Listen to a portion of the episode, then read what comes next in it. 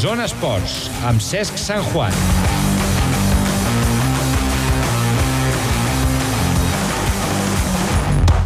Semblava que ho podríem anunciar aquesta tarda, però el nou fitxatge del Morabanc Andorra, el substitut de Roman Martínez, haurà d'esperar a demà. Bona nit, comencem.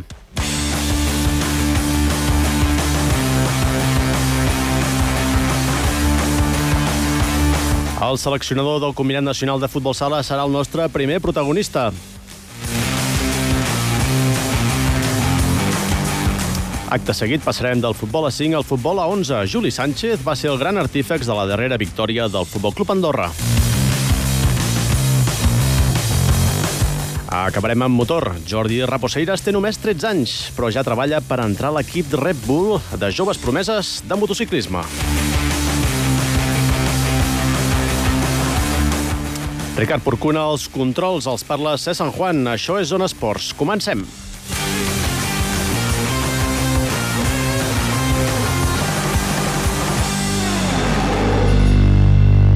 Zona Actualitat.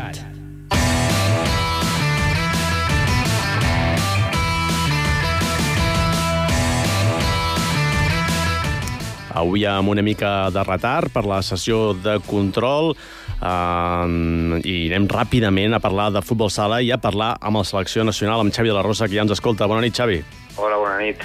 Doncs bé, dos dies intensos per tu. Uh, ja venies de, de Gales també, de França. Bé, la veritat és que darrerament, déu nhi la feina que t'ha tocat uh, com a seleccionador nacional i aquests dos compromisos amb Anglaterra que s'han saldat amb dos resultats idèntics. Mira que hi ha resultats de futbol sala.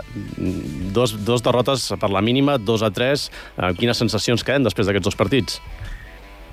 Bé, les sensacions és que, que hem estat allà, hem batallat i que tenim possibilitats. Aquesta és allò, és aquest el, el resum que faria, la veritat, perquè ens esperàvem o, o no sabíem el, precisament el que ens trobaríem perquè la selecció anglesa és, eh, si no la favorita, doncs eh, el, el màxim exponent juntament amb Letònia de, del campionat que anirem a jugar i bueno, hem lluitat, hem tingut eh, els nostres moments, sobretot amb el primer partit doncs si haguéssim guanyat eh, no hauria d'estranyar ningú perquè vam jugar millor que ells i, i bé, ens dona, ens dona molta il·lusió, no? molta il·lusió de que el treball que estem fent és, és o el camí que estem fent és el, el correcte. Uh -huh. Això era una prova i bé, el que dius tu, no? el que ha quedat clar en aquests dos partits és que teníem l'opció de guanyar, especialment en el primer, en el segon potser no sé si va passar una mica factura al físic.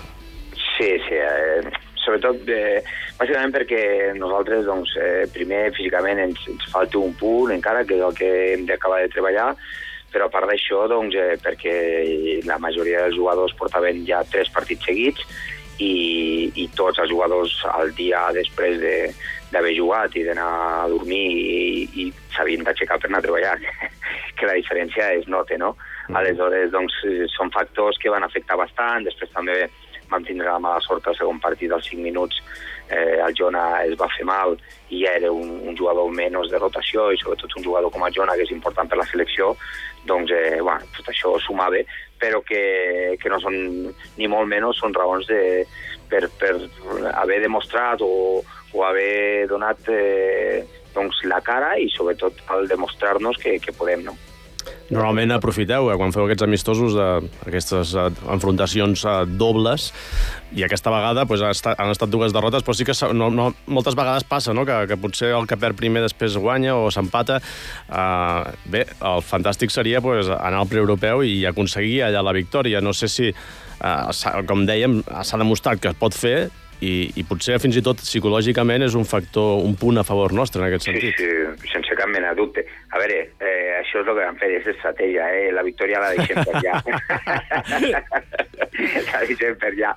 No, en sèrio, jo crec que sobretot es va veure la diferència entre el primer i el segon partit, no? El primer partit Anglaterra va vindre aquí doncs pensant que nosaltres eh, érem una selecció que, que no els hi faríem ombra, una selecció que, que, bueno, que ens passarien per sobre i de fet es va veure, no? El primer partit ens van venir a pressionar, van estar doncs, eh, gairebé 30 minuts dels 40 pressionant-nos i el segon partit va ser molt diferent, ens van esperar mig del camp, van tenir un grandíssim respecte, doncs eh, bé, ens és un bon eh, toc de pedra perquè eh, quan arribem allà doncs, eh, el respecte és molt important i sobretot perquè quan jugues contra un equip que, que té com una miqueta de, de por, de respecte de, de com tu vulguis, doncs eh, tens més possibilitats, això segur, no? I a part d'això, doncs, eh, que nosaltres ens, ens cara és veritat que ens guardem eh, les nostres eh, armes o, o algunes de les nostres armes per jugar allà, no? perquè evidentment a nivell tàctica de joc eh, parat, ja siguin corners, bandes, faltes i sobretot la, la gran bassa que tenim nosaltres, que és el porter jugador, doncs eh, no, no ho van fer, no? i això doncs, jo espero que ens serveixi per sorprendre-los. Uh -huh.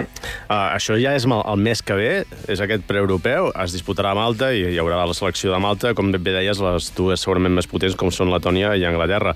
Ara que ja han fet una mica la preparació, que coneixem fins i tot uh, molt bé un dels rivals, uh, tenim ja un objectiu clar o, o encara s'ha de no, allà? Mira, l'objectiu és, és de fet, l'objectiu és com, com, cada, com cada vegada que, ens, que, que anem no? en una fase prèvia és tenir moltíssima il·lusió, és anar amb, amb, amb moltíssimes ganes, eh, amb, donar-ho tot al primer i a l'últim partit, i, i aquesta, aquest és l'objectiu. El que passa és que una vegada allà, doncs, tu imagina que el primer partit sona la flauta i guanyes a Letònia.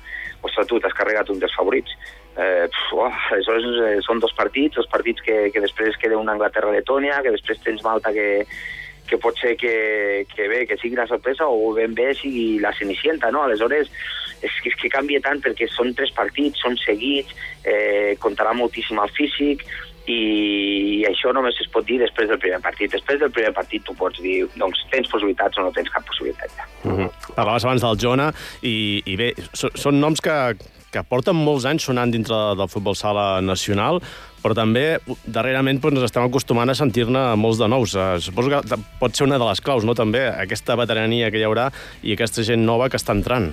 Sí, de fet, eh, nosaltres, eh, amb el Pere, quan vam agafar la selecció, ara farà 3 anys, doncs l'objectiu era què? L'objectiu era en 4 o 5 anys eh, aconseguir que una renovació eh, 90 o 90 i pico per cent de la selecció, que en aquell moment ho veiem quasi impossible, era molt complicat. De fet, eh, Vull recordar que la primera selecció que vam fer va ser de 20 i pico jugadors per intentar treure gent jove i bé, a base de molt treball d'ells, sobretot els jugadors, doncs hem aconseguit tenir una selecció en la que excepte quatre jugadors, els altres, inclús el Jona, el Jona fa molt temps que s'assent, però té 28 anys, vull dir, un jugador amb 28 anys està a l'edat perfecta.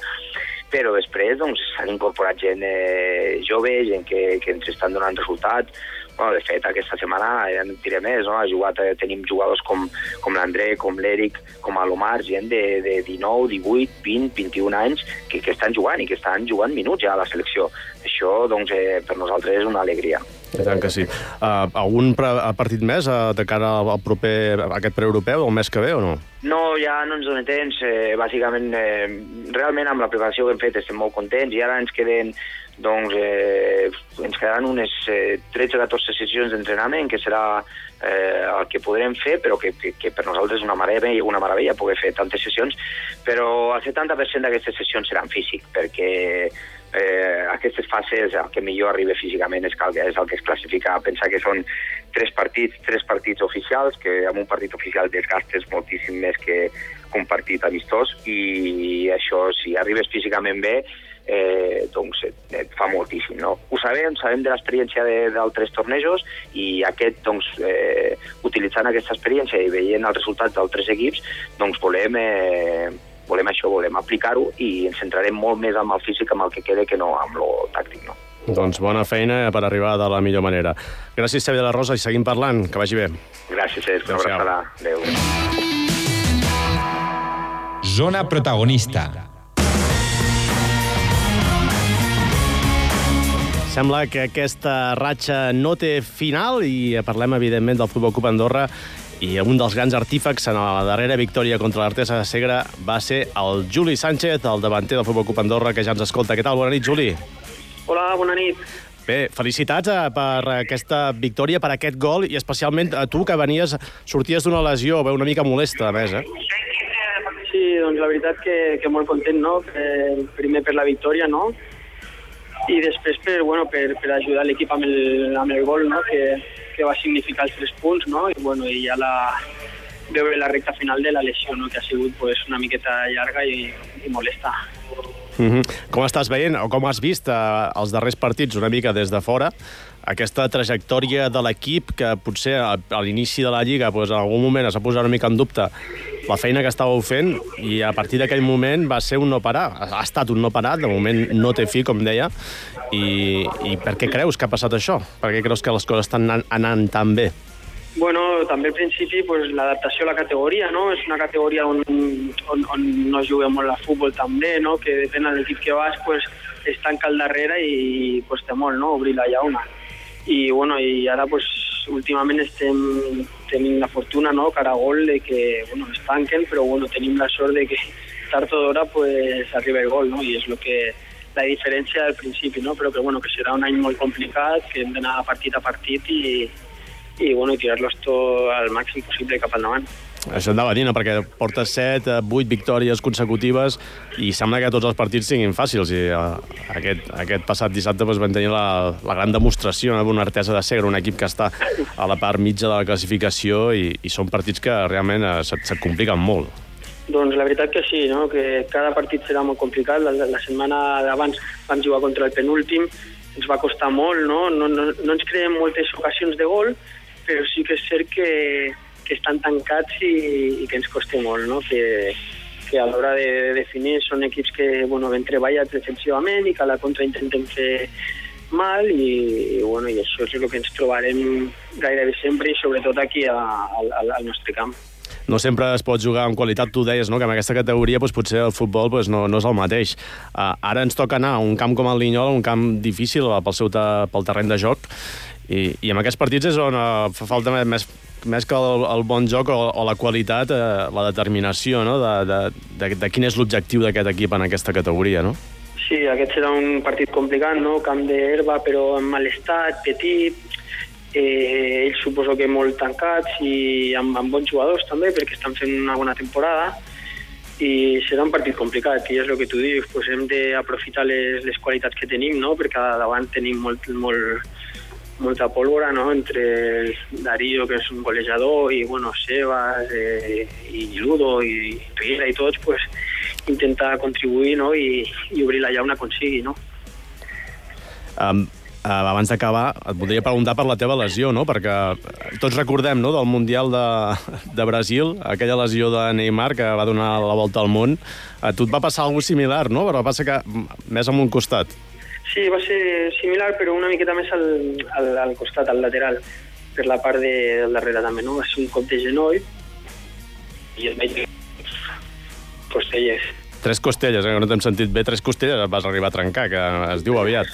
Sí, sí, sí, la veritat que es diu aviat, no? Però va ser, va ser dolorós en el moment, no?, aquell.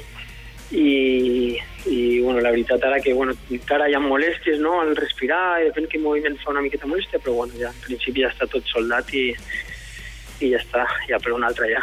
Doncs ja va quedar ben clar amb aquest gol que vas aconseguir i aquests tres punts que van donar el Futbol Club Andorra. Que continuï la ratxa Juli Sánchez i seguirem parlant al llarg de la temporada. Gràcies per escoltar-nos i per, per parlar amb nosaltres. Que vagi bé. Molt, molt bé, moltes gràcies. Bona tarda. Adéu-siau. Zona Actualitat.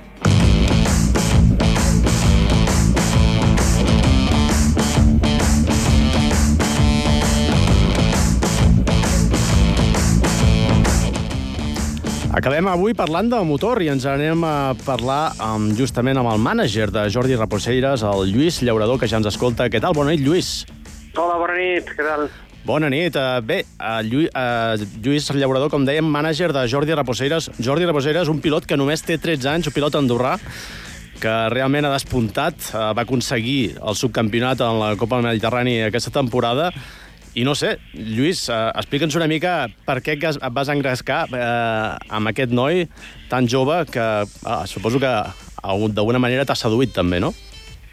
Sí, bueno, a mi va ser per un fruit de la casualitat, a la nit del motor de, de la federació, el Xavi Miquel, que és un conegut d'Andorra que, que prepara gent per fer trial, me va presentar els pares del Jordi i llavors un dia vam quedar amb un circuit, el vaig veure rodar, vaig estar parlant amb ell, vam tornar a veure, i, i llavors vam analitzar una miqueta vam veure doncs, que era un nano amb possibilitats, que si, si s'adaptava a a la forma de treballar i de preparar-se tècnicament, doncs que podria ser un pilot de futur. Eh, aquest any, com, com deia, ha aconseguit eh, aquest subcampionat eh, dintre del Copa Mediterrani.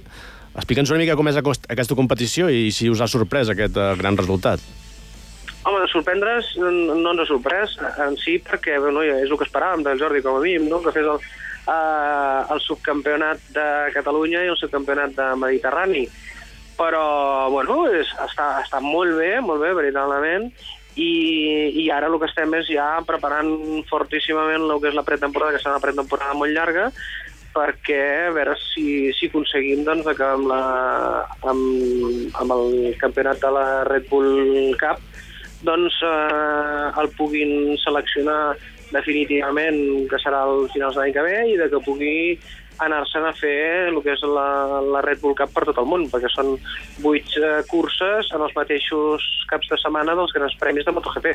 Sí, sí. Explica'ns una mica això, seria el pas definitiu, no? Podríem dir, de moment ha aconseguit estar en aquesta preselecció eh, amb, amb una prova on, on em sembla que em vas dir que anirien eh, 400 pilots de tota Europa, no? Bueno, el, Uh, en aquesta selecció uh, primer s'ha de passar el que és la- la- l'administrativa, que més no hi ha cap problema, i després és el que es, uh, passarà, que es passaran unes proves en les quals clar, venen pilots de tot el món, que venen entre 300 i 400 pilots, i que llavors en, diferent, uh, en diferents dies doncs passaran uh, unes proves, però que les proves són més per part dels observadors, de les quals miren de que, com actua, com treballa, com traça, eh, quina és la seva actitud. O sigui, en aquesta selecció es miren molts aspectes del pilot, no solament els que faci els millors temps. L'avantatge d'això és que, clar, eh, si acaba sent seleccionat totalment eh, amb el que és la Red Bull Cup, clar, se'n passa a fer aquestes proves totalment gratuïtes, perquè tot ho paga Red Bull, i, i clar, fa vuit proves amb els mateixos caps de setmana, en el qual la cursa és el dissabte abans de la cursa de MotoGP.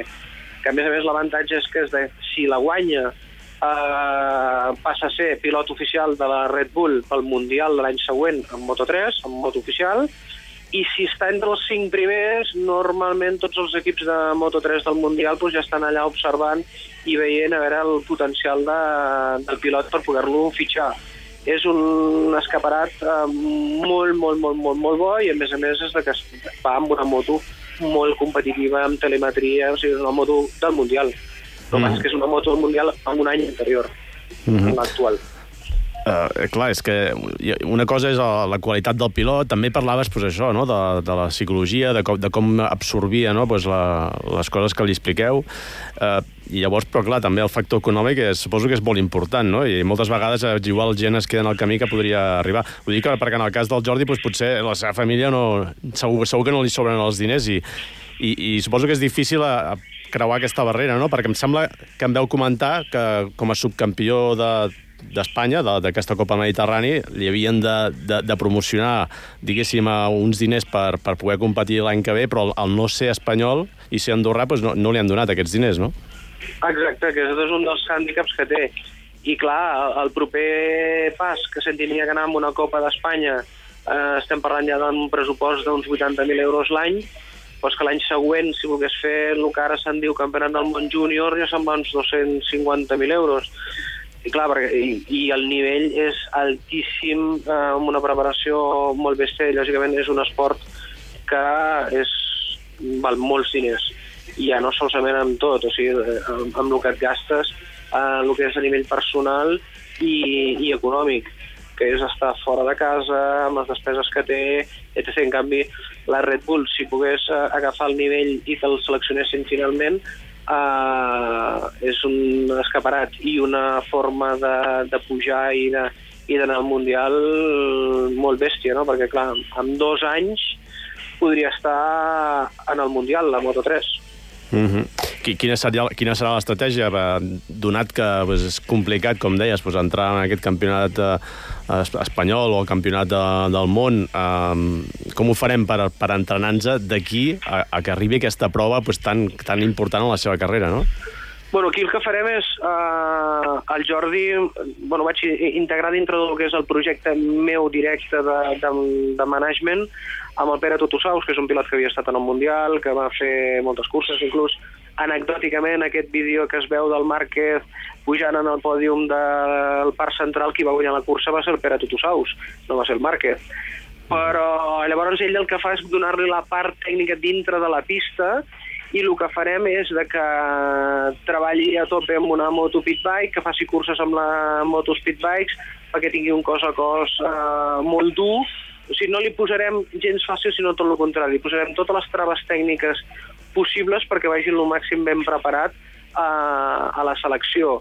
I clar, a més a més, com que la selecció es fa amb unes motos Metre Kit 125 dos temps, doncs dos mesos abans eh, el que farem és fer-lo rodar moltíssim, moltíssim, moltíssim amb una moto similar a les condicions perquè després, eh, quan vagi a, a fer la selecció i les proves, eh, sigui molt més fàcil el, el que pugui trobar-se eh, còmode i amb un setting que és per tothom per igual, doncs que s'hi trobi bé com perquè pugui anar bé i que el, el seu estil de pilotatge sigui el més adequat possible.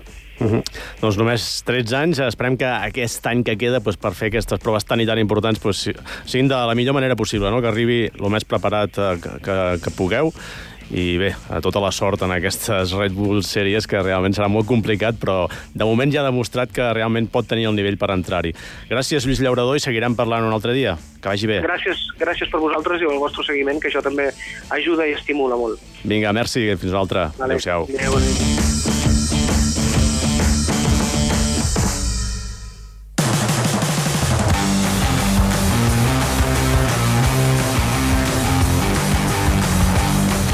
Acabem amb un apunt d'esquí per dir que Mireia Gutiérrez ha estat avui onzena. El segon eslalom de la prova de la Copa d'Europa disputava a l'estació de Suïssa de Zinal. L'esquiadora ha fet el 13è millor temps en la primera mànega i el 17è en la segona. La classificació final ha quedat a 3 segons i una centèsima de la vencedora, l'alemanya Marlene Smoth, amb 28,19 punts fix. Gutiérrez ha millorat així en un lloc, la dotzena posició que va aconseguir ahir en la mateixa disciplina i escenari, també en Copa d'Europa. Amb esquí alpí acabem. Demà hi tornem. Que vagi bé. Adéu-siau.